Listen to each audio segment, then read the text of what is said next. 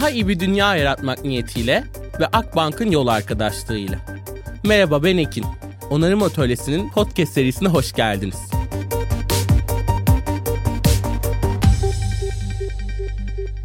Herkese kocaman bir merhabalar. Onarım Atölyesi Podcast'in yeni bölümüne hoş geldiniz. Bu bölümde yine böyle sizinle biraz baş başa sohbet edeceğim bir bölüm olacak aslında. Ara sıra bunu yapmayı seviyorum çünkü bazı konularda bazı şeyleri anlatmak bana da çok iyi geliyor. Ve bazen dediğim gibi sizinle baş başa kalmak da beni çok çok mutlu ediyor. Bugün aslında hem böyle birkaç onarım atölyesiyle ilgili gelişmeden bahsetmek, yeni açılımlardan bahsetmek hem de biraz daha gelişen yeni ekonomide, onarıcı ekonomide var olmak ne demek ve aslında iş dünyasını nasıl yeniden redesign edebiliriz biraz bu konularla ilgili çok genel hatlarda böyle bir laf etmek istiyorum. Öncelikle onarım atölyesi Regenerative Impact Space olarak geçtiğimiz günlerde Global Donat Day'i hayata geçirdik ve bu inanılmaz mutluluk verici bir konuydu.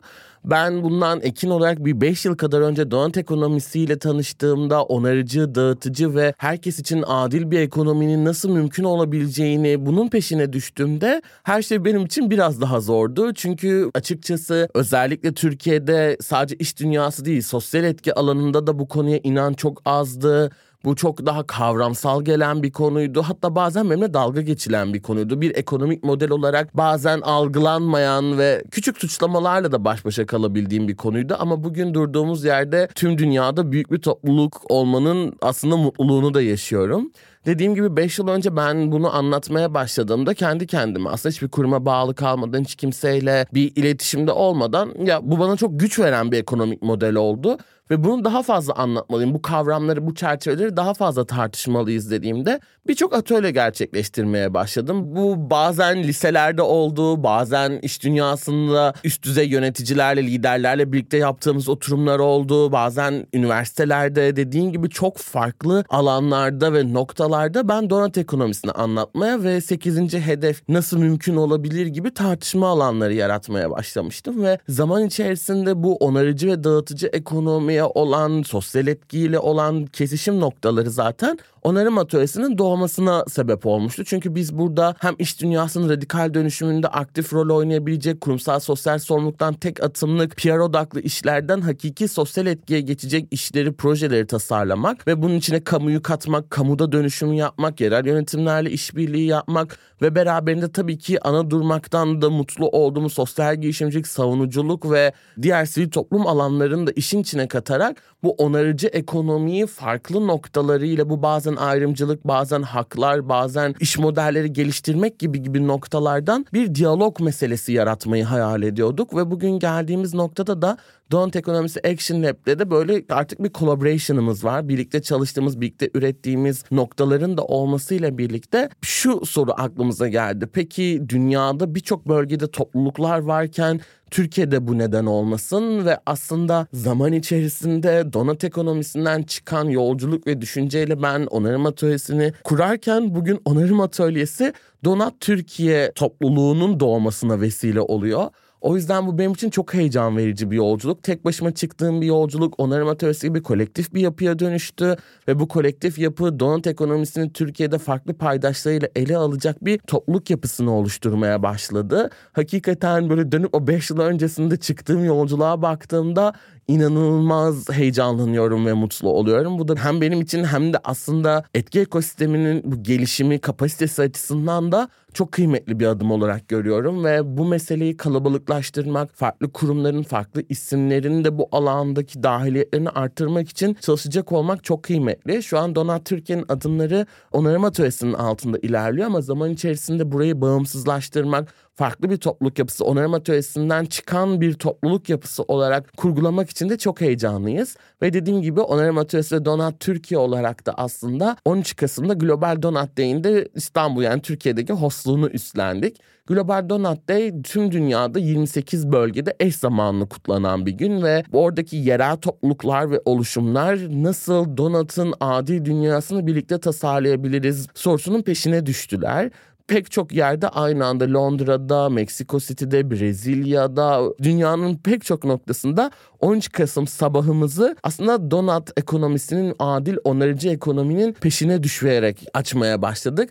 Türkiye'de bunu host ediyor olmak bizim için inanılmaz büyük bir mutluluktu. Çünkü hakikaten bu kadar uzakta görülen mümkün olarak kılınmayan bir ekonomik modelin ne kadar çok kurumu ve ne kadar çok insanı bir araya getirebildiğini görmek Global Donut Day'de inanılmaz önemli bir adımdı bizim için. Özellikle sosyal etki ekosisteminde bu kadar uzak durulan ve benim bir noktada gözlemlediğim çok konseptsel bulunan, çok soyut bulunan bir kavramda aslında herkesin ne kadar buluşabildiğini görmeyi bana çok iyi geldi. Çünkü buradaki temel hadise şuydu. Artık bizi buraya getiren şey çöktü, bitti ve çok yeni bir şeye ihtiyacımız var ve bu yeni şeyin radikal adımlar üzerine kurulması gerekiyor diye. Ve aslında hangi perspektiften olursak olalım herkesin genel mindsette bu radikal dönüşümü yeni yaratma noktasındaki heyecanı da bu çatı altına toplanması da beni çok mutlu etti. Yani İstanbul Büyükşehir Belediyesi İstanbul Planlama Ajansı'nın Florya kampüsünde İPA partnerliğinde ve İSPER'in katkılarıyla hayata geçirdiğimiz Global Donut Day'de bir bütün gün boyunca paneller, konuşmalar olmasının ötesinde en çok önemsediğimiz konu da aslında atölyelerin olmasıydı. Çünkü genel olarak etkinliklerde bazı şeyleri hep konuşuyoruz, anlatıyoruz ama ortak konuşma alanları yaratamıyoruz. Biz de tam olarak donat ekonomisinin aslında odaklandığı temalarda farklı kurumlarla, kişilerle atölyeler düzenleyerek katılımcıların konuşma, birlikte üretme, birlikte diyalog üretme hallerini de desteklediğimiz için böyle bir tasarım yaptığımız için de çok mutluyuz.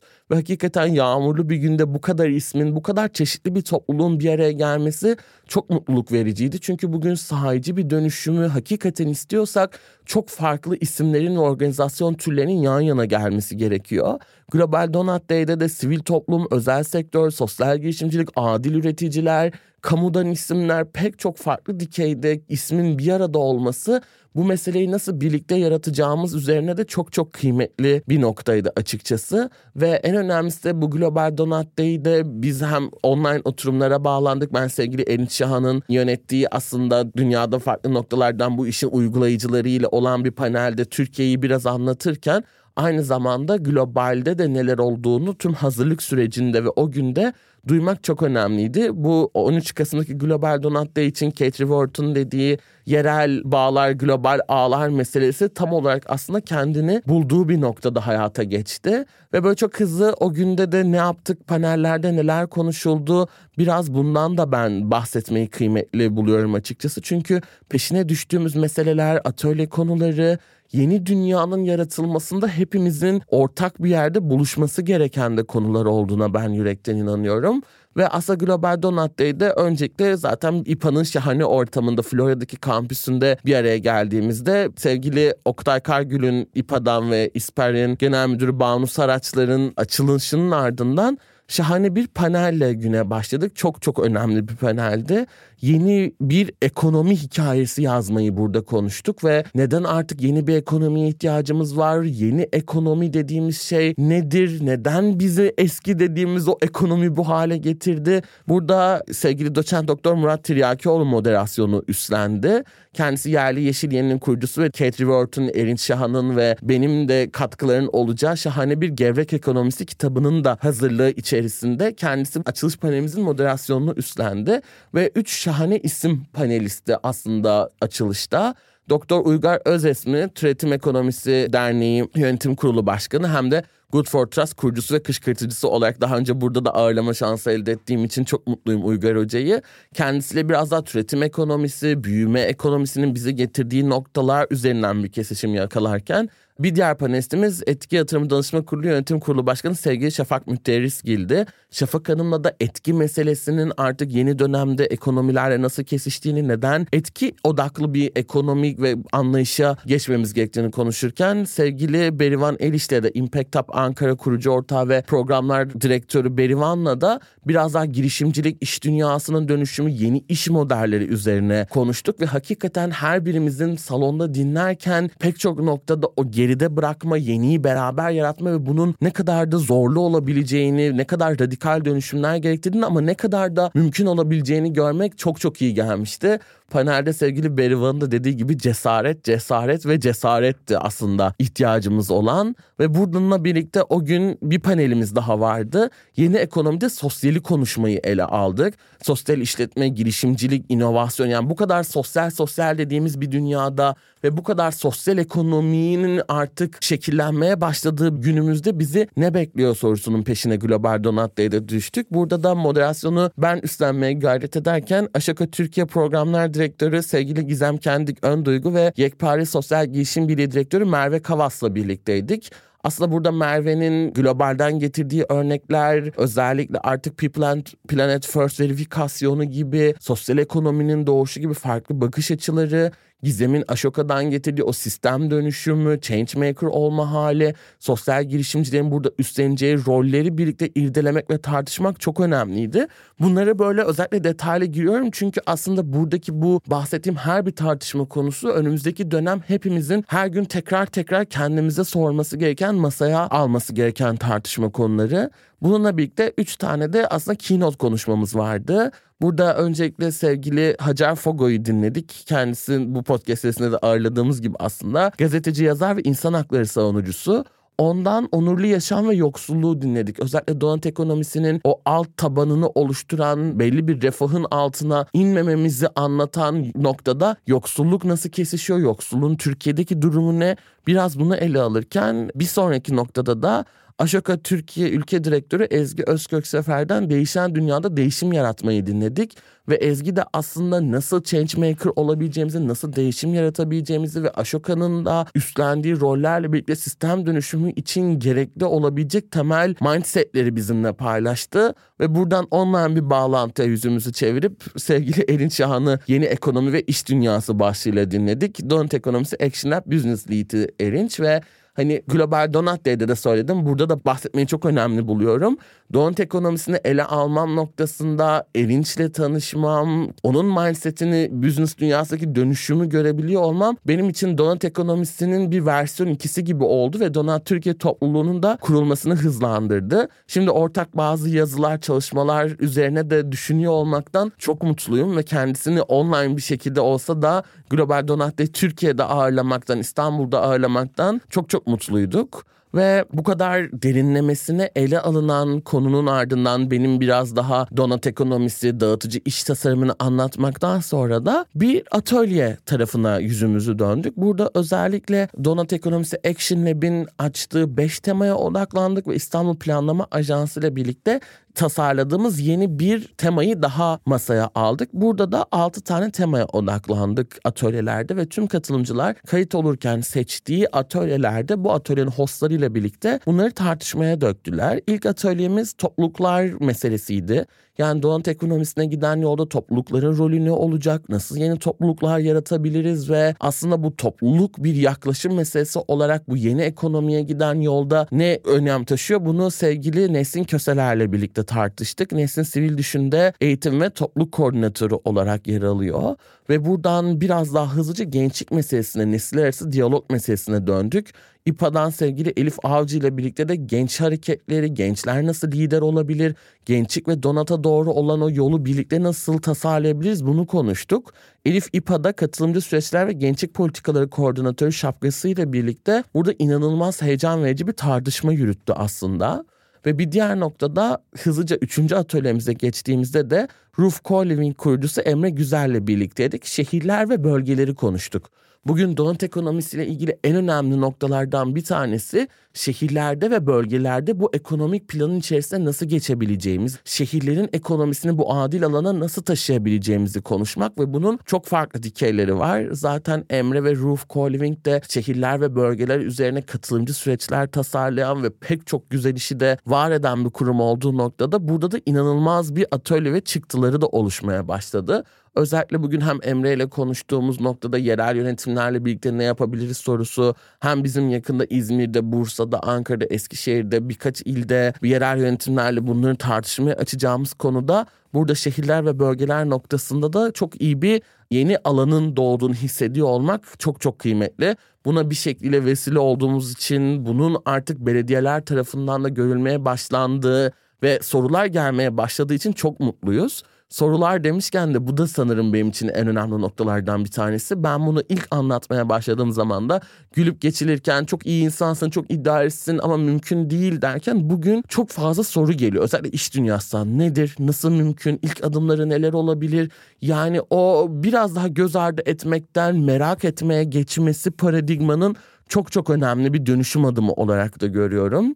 Ve buradan dördüncü atölyeye geçtiğimizde akademi ve eğitimi ele aldık akademi dünyasında, eğitim dünyasında Donat'a doğru giden yolu nasıl inşa edebiliriz? Hem içeriksel olarak hem de bu dünyanın Donat'ı beslemesi konusunda ne yapabiliriz sorusunu çok sevgili doçent doktor Murat Tiryakioğlu ve doktor Pelin Özden'le birlikte tartışmaya aldık. Özellikle burada da böyle çıktılarını heyecanla gördüğümüz, okuduğumuz ve devamının geleceği bir atölye olması da çok kıymetliydi. Ve buradan bir diğer atölyemiz olan iş dünyası girişimciliğe yüzümüzü döndük. Bu çok çok önemli bir konu. Çünkü artık biraz ileride bu bölümde de dağıtıcı tasarımı anlatmaya çalışacağım ama burada önemli bir nokta artık sosyal girişimler ve iş dünyası nasıl merge ediyor? Yeni ekonomide sosyal girişimler, krizlere çözüm üretenler nasıl daha avantajlı bir noktaya geçiyor ve bu kadar belirsizliğin olduğu bir dünyada iş dünyası buradan nasıl çıkacak? Özellikle yeni ekonomide var olabilecek mi sorusunun tartışıyor olması, yeni derin iş tasarımını, enterprise designları nasıl yapmamız gerektiğine yönelik bu alanı onarım atölyesi olarak uzun süredir tartışırken, kurgulamaya çalışırken iki kıymetli isimle bu atölyenin gerçekleşmesi bizim için çok önemliydi. Bu atölyede sevgili Berivan Eliş ve Ezgi Özkök Sefer birlikte hayata geçirdiler. Impact Hub Ankara ve Ashoka Türkiye olarak ve burada kurumlarla birlikte bu dönüşüm haritası konuşuldu. Ve son olarak da zor bir konu olan politika, devlet ve hükümetler. Bugün devletlerin yeni ekonomideki rolü çok çok kritik bir noktada yer alıyor. Hep donut ekonomisini anlatırken de bahsetmeye gayret ediyorum hesap soran bir devlet mekanizmasına ihtiyaç var ama bununla birlikte otokratikleşmeyen bir yapı içinde hesap verilebilir bir politika yapım süreci tasarlamamız gerekiyor. Bu noktada da katalist kurucu ortağı sevgili Emre Gül'le birlikte politika yapıcılara, devletlere, hükümetlere ve devlet üstü yapılara bu yeni ekonomiye giden yolda neler düşüyor bunu tartışıyor olduk. Bu 6 atölyede 6-7 kurumun hep birlikte bir tasarım sürecine gitmesi yani herkesin kendi atölyesini kendi getirdiği dinamiklerle tasarlaması, yürütmesi ve katılımcılarla birlikte burada gerçek diyalogların oluşturulması bizim için inanılmaz önemliydi. Global Donut Day inanılmaz heyecanla geçen, hepimizi biraz daha o salondan çıkarken adil ekonomiyi cebimize koyarak, onun nasıl tasarlayacağımız sorusunu cebimize koyarak çıktığımız bir gün oldu. Ve onarım atölyesi olarak da yeni bir oluşuma dair attığımız ilk adımın olması ve bunun bu kadar çok insanla bu kadar kalabalık bir şekilde gerçekleşiyor olması çok çok büyük bir mutluluk bizim için. O yüzden ne kadar heyecanlandığımı anlatamam. Ve en önemlisi de belki biraz uzatıyorum ama bugünün hayata geçmesinde de özellikle teşekkür etmek istediğim kocaman bir gönüllü ekip var. Ben bu fikirle ilk yola çıktığımda ama nasıl yapacağız sorusunu sorduğumda kocaman bir ekiple hakikaten birlikte çalıştık ve bunu çok çok kıymetli buluyorum açıkçası. Çünkü içinde bulunduğumuz dünyada birbirimizle gerçek dayanışmanın çok kritik bir yerde rol aldığına inanıyorum. O yüzden ben zaten çalışma arkadaşım olan İrem'e tabii ki bunu ilk götürdüğümde ileride Küçük Kafa Can, Sera Öztürk Yaşar, Damla Kayan, Serra Utkum İkiz ve Alperen Alper'e bu konuyla ilk gittiğimde ya ne istersen buradayız yaparız dediler ve bu isimlerle biz kolları sıvadık. Geceler boyu süren toplantılar, ayarlamalar, planlamalarla birlikte bugünün hayalini kurmaya başladık ve sevgili İlayda'nın öncülüğünde de şahane bir gönüllü ekip ortaya çıktı.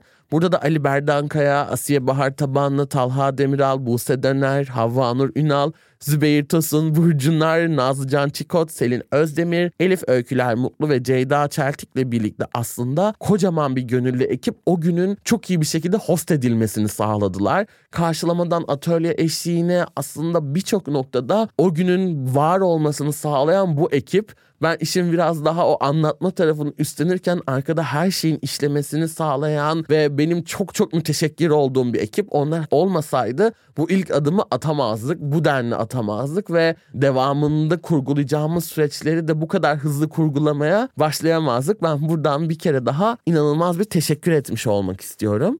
Daha iyi bir dünya yaratmak niyetiyle ve Akbank'ın yol arkadaşlığıyla onarım atölyesine kaldığımız yerden devam ediyoruz. özellikle biraz daha bugünün bu bölümün devamında başınızı şişirmeye de bu yeni ekonomide var olmak konusuyla ilgili bir şeyler söyleyerek devam etmek istiyorum aslında. Ve burada ne durumdayız sorusunu çok önemli buluyorum. Yani bu podcast serisinde çok konuşuyoruz. Artık birçok yerden duyuyoruz. Herhangi bir şekilde bir korku senaryosu çizmekten çok hoşlanmıyorum. Ama şu an dünya bir eşikte. Biz bir süre önce belki daha ortalardaydık. Bir tarafımızda bir distopya, bir tarafımızda ütopya varken biz gittikçe çok daha fazla distopya tarafına yaklaşıyoruz ve yüzümüzü ütopyalara pek dönmediğimizde bir noktadayız. Ve bu distopya içerisinde buraya doğru giderken distopyaların gün geçtikçe gerçek olmaya başladığı kritik bir noktadayız.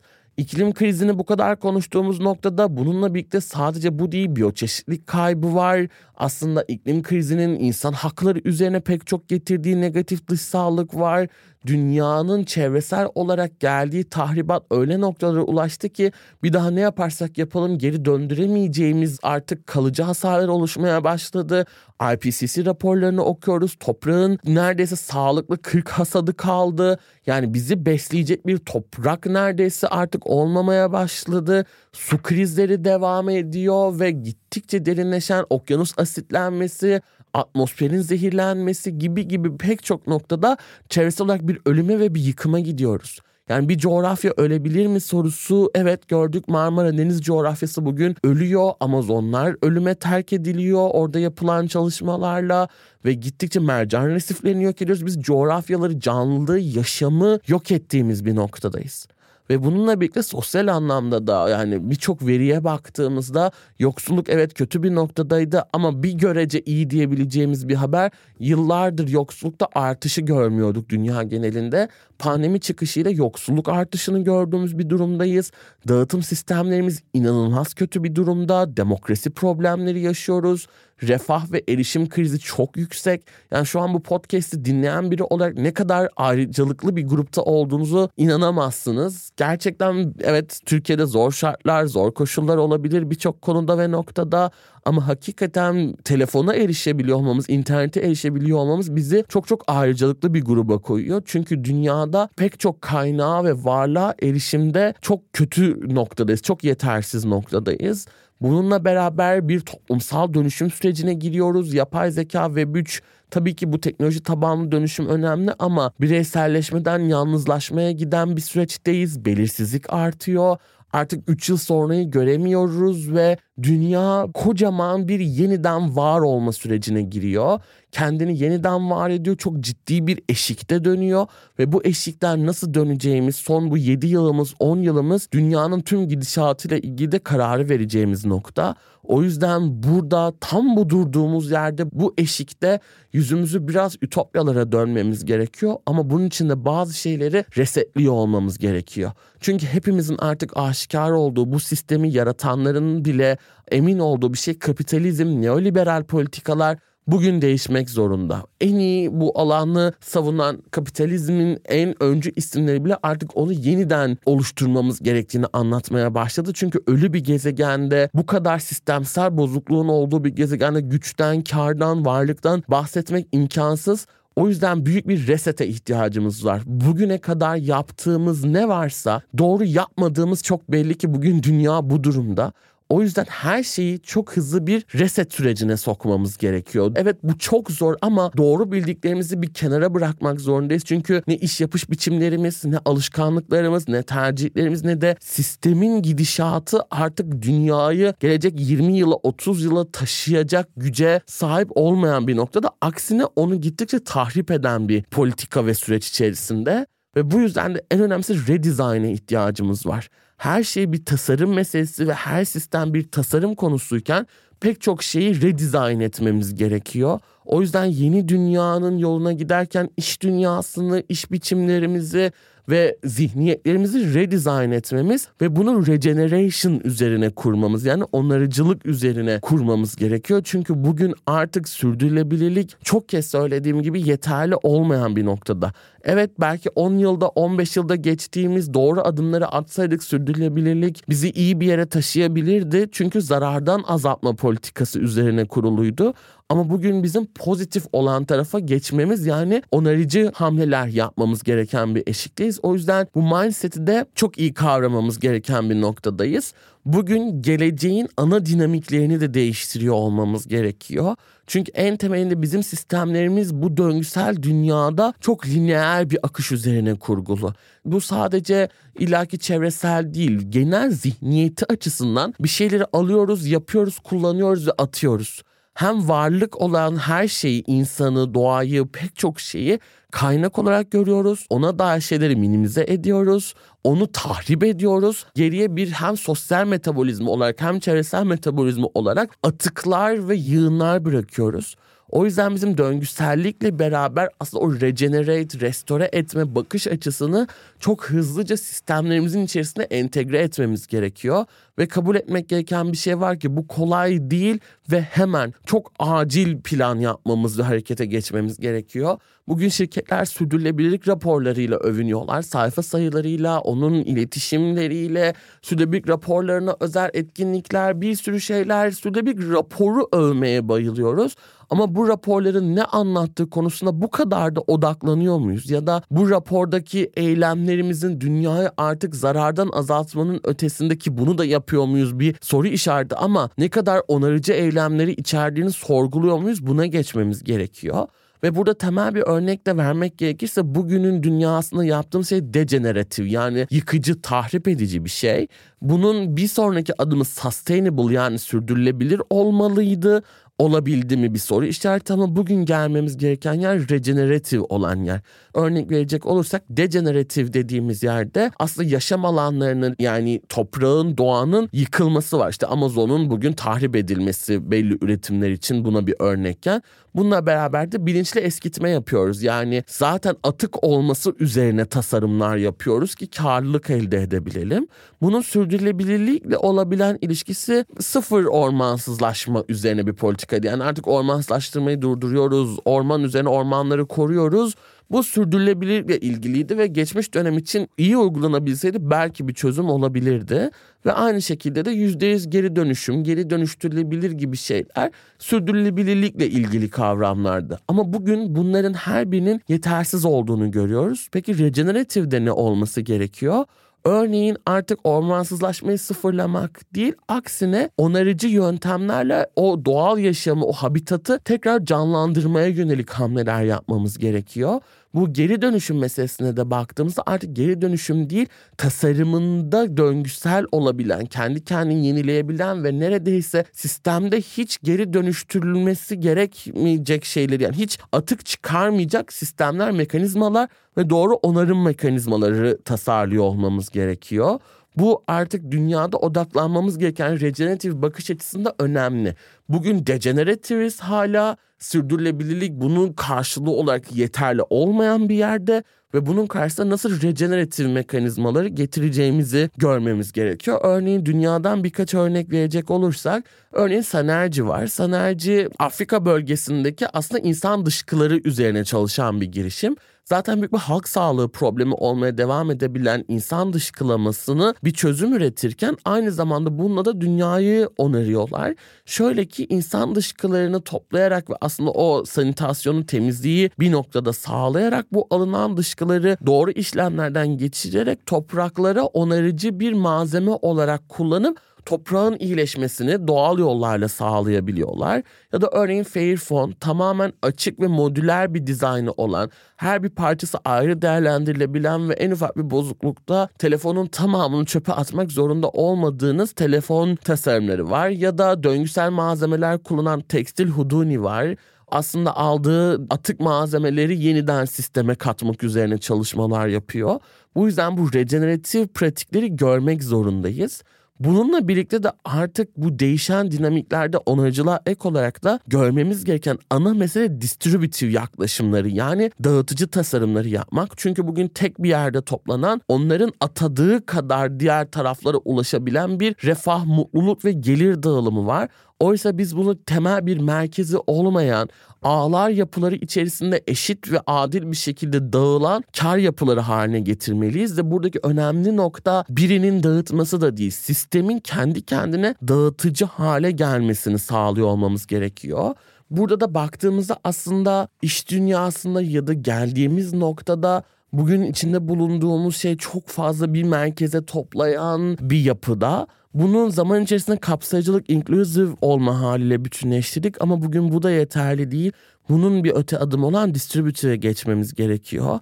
Örneğin burada tahripkar bir noktada olan poverty wates'ler yani yoksulluk ücretleri gündemdeydi. Yoksulluk ücretleri üzerinden ödeme yapılmasını konuştuğumuz bir dünyada bunu bugün getirmeye çalıştığımız ki ne kadar yapabildiğimiz daha kapsayıcı hale getirelim dediğimiz living wage'ler, yaşam ücretleri konuşulmaya başlandı. Ama oysa bugünün dünyasında dönüşümde ihtiyaç olan şey distributive modeller. Yani gittikçe artık yaşam ücretinin ötesinde karı paylaştığımız geliri paylaştığımız mekanizmaları yaratmakla ilgili. Bunun başka bir örneği aslında dünyanın bugün durduğu nokta teknolojiden, mülkiyetten, fikirlerden doğan o agresif patentlerden bugün bizim belki de olsaydık iyi olabilecek ama geç kaldığımız nokta teknolojik partnerlikler, birlikte çalışma halleriydi. Onu ortak kurumsallıklarla ortaya koymaktı. Ama artık bugün ihtiyacımız olan distributive noktada açık kaynaklar yaratmamız, açık kaynak tasarımları yapmamız gerekiyor. Çünkü sosyal anlamda adil bir geleceği ancak böyle tasarlayabileceğiz. Bunun örnekleri de var. Örneğin Richard Sounds profit sharing yapıyor. Yani karını çalışanlarıyla birlikte paylaşıyor. Lush adil bir vergilendirme yapacağını, vergiden kaçma yöntemleri genel şirketlerin uyguladığı kaçma yöntemlerini uygulamayacağını, Creative Handicrafts aslında işçilerin sesleriyle birlikte ortak yönetişim ve kar mekanizmaları uygulayacağını, birlikte karar verip birlikte kazanacağı mekanizmaları aslında anlatıyor. Hem bu az önce anlattığım regenerative hem de bu distributive örneklerde en önemli nokta şu. Bu mümkün hem onarıcı hem de dağıtıcı iş modelleriyle hem dünyayı onararak hem karınızdan dağıtarak işçileri aslında sahip olma mekanizmalarına katarak karar alma mekanizmalarına katarak ve o şirketi bir nevi tüm çalışanların olduğu hale getirerek bir iş yapmak mümkün. Bunlar ilk anlatılarda ütopya gibi gelse de zaten olay şurada biraz daha önemli bir noktaya geliyor. Bu girişimler para kazanıyor. Yani iş dünyasında para kazanmanın önemli durduğu bir noktada ve sanki karı bölüştürmek iş dünyasının ya da iş modellerinin bir parçası olamazmış. Bu imkansızmış gibi göründüğü bir noktada bu örnekleri görmek çok önemli çünkü para kazanırken iyi, dağıtıcı, onarıcı olabilmenin ne kadar mümkün olduğunu gösteriyor. Ve en önemlisi de burada eni ekonomi doğarken artık kabul etmemiz gereken şey şu. 20 yılın sonrasındaki ekonomi bu iş modelleri üzerine kurulacak. Çünkü bu çoklu krizler çağında dünya öyle bir noktaya gelecek ki orada var olmak ve var etmek için bu koşullara cevap veren, bu koşullarda üretmeyi bilen adil ve onarıcı yapılar önem kazanacak ve bu noktada da sosyal girişimciler belki de iş dünyasının rakibi olan bir noktaya gelecek ve hatta iş dünyasının radikal dönüşümünü bugünden buraya doğru evriltmediği için geride kalacağı, sosyal girişimcilerin de aslında yeni ekonominin ana oyuncuları olacağı bir geleceğe gidiyoruz. Bu olacak. Çünkü içinde bulunduğumuz dünyadaki krizler artık ekonominin bu yönde konuşmasını sağlayacak ve bugün üstenci yaklaşımıyla özel sektörün baktığı sosyal girişimciler belki de yeni ekonominin aslında game changer'ları ve o ekonominin ana tasarımcıları olarak kendini göstermeye başlayacak. Bu yüzden artık iş dünyası içinde bulunduğu bu degenerative, divisive halden kendinin genel iş yapış biçimleri buna sebep olurken kendini nasıl regenerative ve distributive tarafa geçireceğini bulmak zorunda. Bunun cevabını aramak ve bunun için radikal dönüşümlerde bulunmak zorunda. Buradaki kilitleri açarak, zorlukları aşarak belli oyun alanlarında kendini regeneratif hale taşımak zorunda ve en önemlisi de bunu yaparken sosyal girişimlerle, sivil toplumla, hak savunucularıyla yan yana gelmek, onların bu alandaki güçlü deneyimlerinden yararlanmak ve en önemlisi de bu alanı regeneratif ve distributive modeli bilen, burada üretmeyi, kazanmayı, hayatta kalmayı bilen o sosyal girişimlerle, oluşumlarla işbirliği yapıp onlardan öğrenerek kendini regeneratif ve distributive tarafa taşımak zorunda. Çünkü geleceğin ekonomisi o yeni ekonomi artık burada kurulmaya başlandı. Çünkü yok olan bir gezegende zaten herhangi bir şirketin de var olması mümkün olmayacak.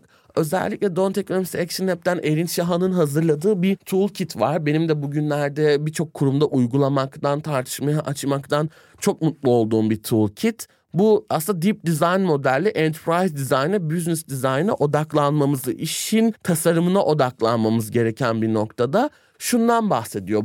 Öyle bir noktadayız ki evet kabul edelim zorluklar neler, neyi başaramıyoruz, bugün dejeneratif olmamıza, kötü bir yerde olmamıza sebep olan şeyler neler ve 5 kategoride bunun kilitlerini açarak ve hangi adımları atarak neyi hedefleyerek bunu regeneratif ve distributive tarafa taşıyabileceğimiz konusunu ele almak gerekiyor. Bu da 5 noktada kendini gösteriyor. Purpose, Networks, Governance, Ownership and Finance yani amaç, ağlar, ağ yapılarınız, networkleriniz, yönetişim modelleriniz, sahiplik modelleriniz ve finansla olan kurduğunuz ilişki. Bugün aslında Purpose'ı biraz daha PR dünyasında ele alınan, iletişimcilerle ele alınan bir dünyadan biraz daha artık markanın büyümeyi ana hedefinden çıkarıp Purpose'ını, amacını ana hedefe koyduğu bir noktayı nasıl taşıyabiliriz? Bunu regeneratif bir hale nasıl getirebiliriz? Bunu konuşmak gerekiyor özellikle onarıcı bir iş yaşamından bahsediyorsak bizim ağ yapılarımız neler, kimlerle ilişkiler kuruyoruz, bizim network'ümüzde kurduğumuz ilişkiler ne kadar onarıcı?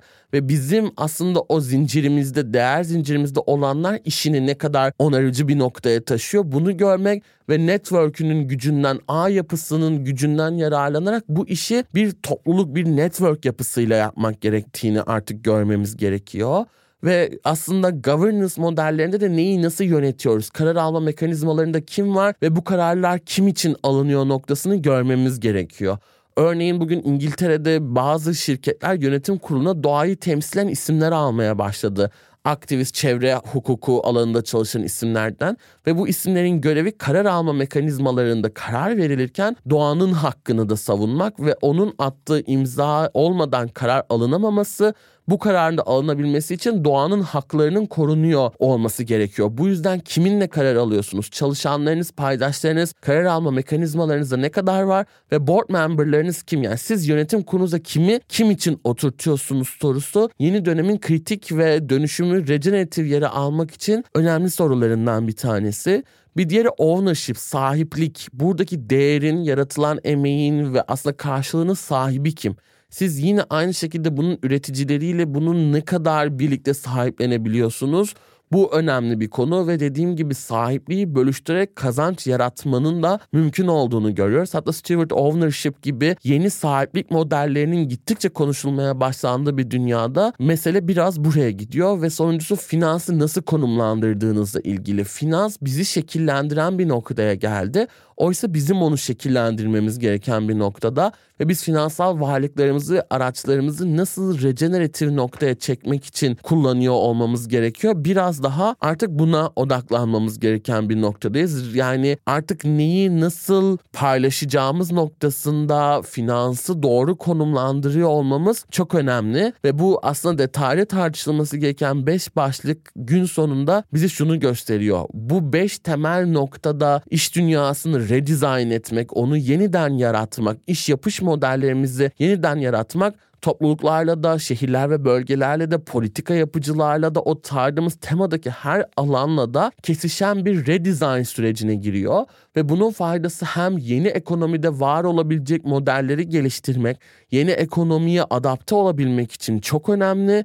Ama aynı zamanda bununla birlikte dünya ve toplumsal yapıları onarmak için de aslında bir kazan ve kazan ilişkisi de doğurduğu bir noktadan bakıyoruz özetle bugün yapmamız gereken şey reimagine etmek. Yani bir şeyleri yeniden hayal etmek.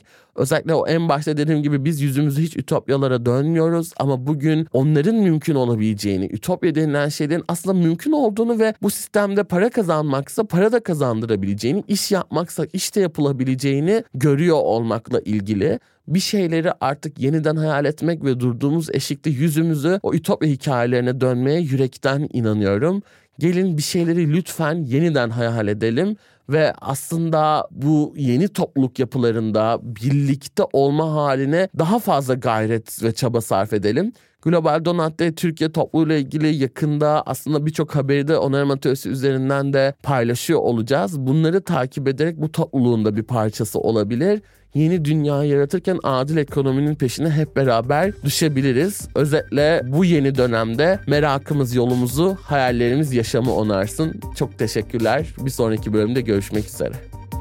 Daha iyi bir dünya yaratmak niyetiyle ve Akbank'ın yol arkadaşlığıyla iyilik ve dostlukla. Bir sonraki bölümde görüşmek üzere.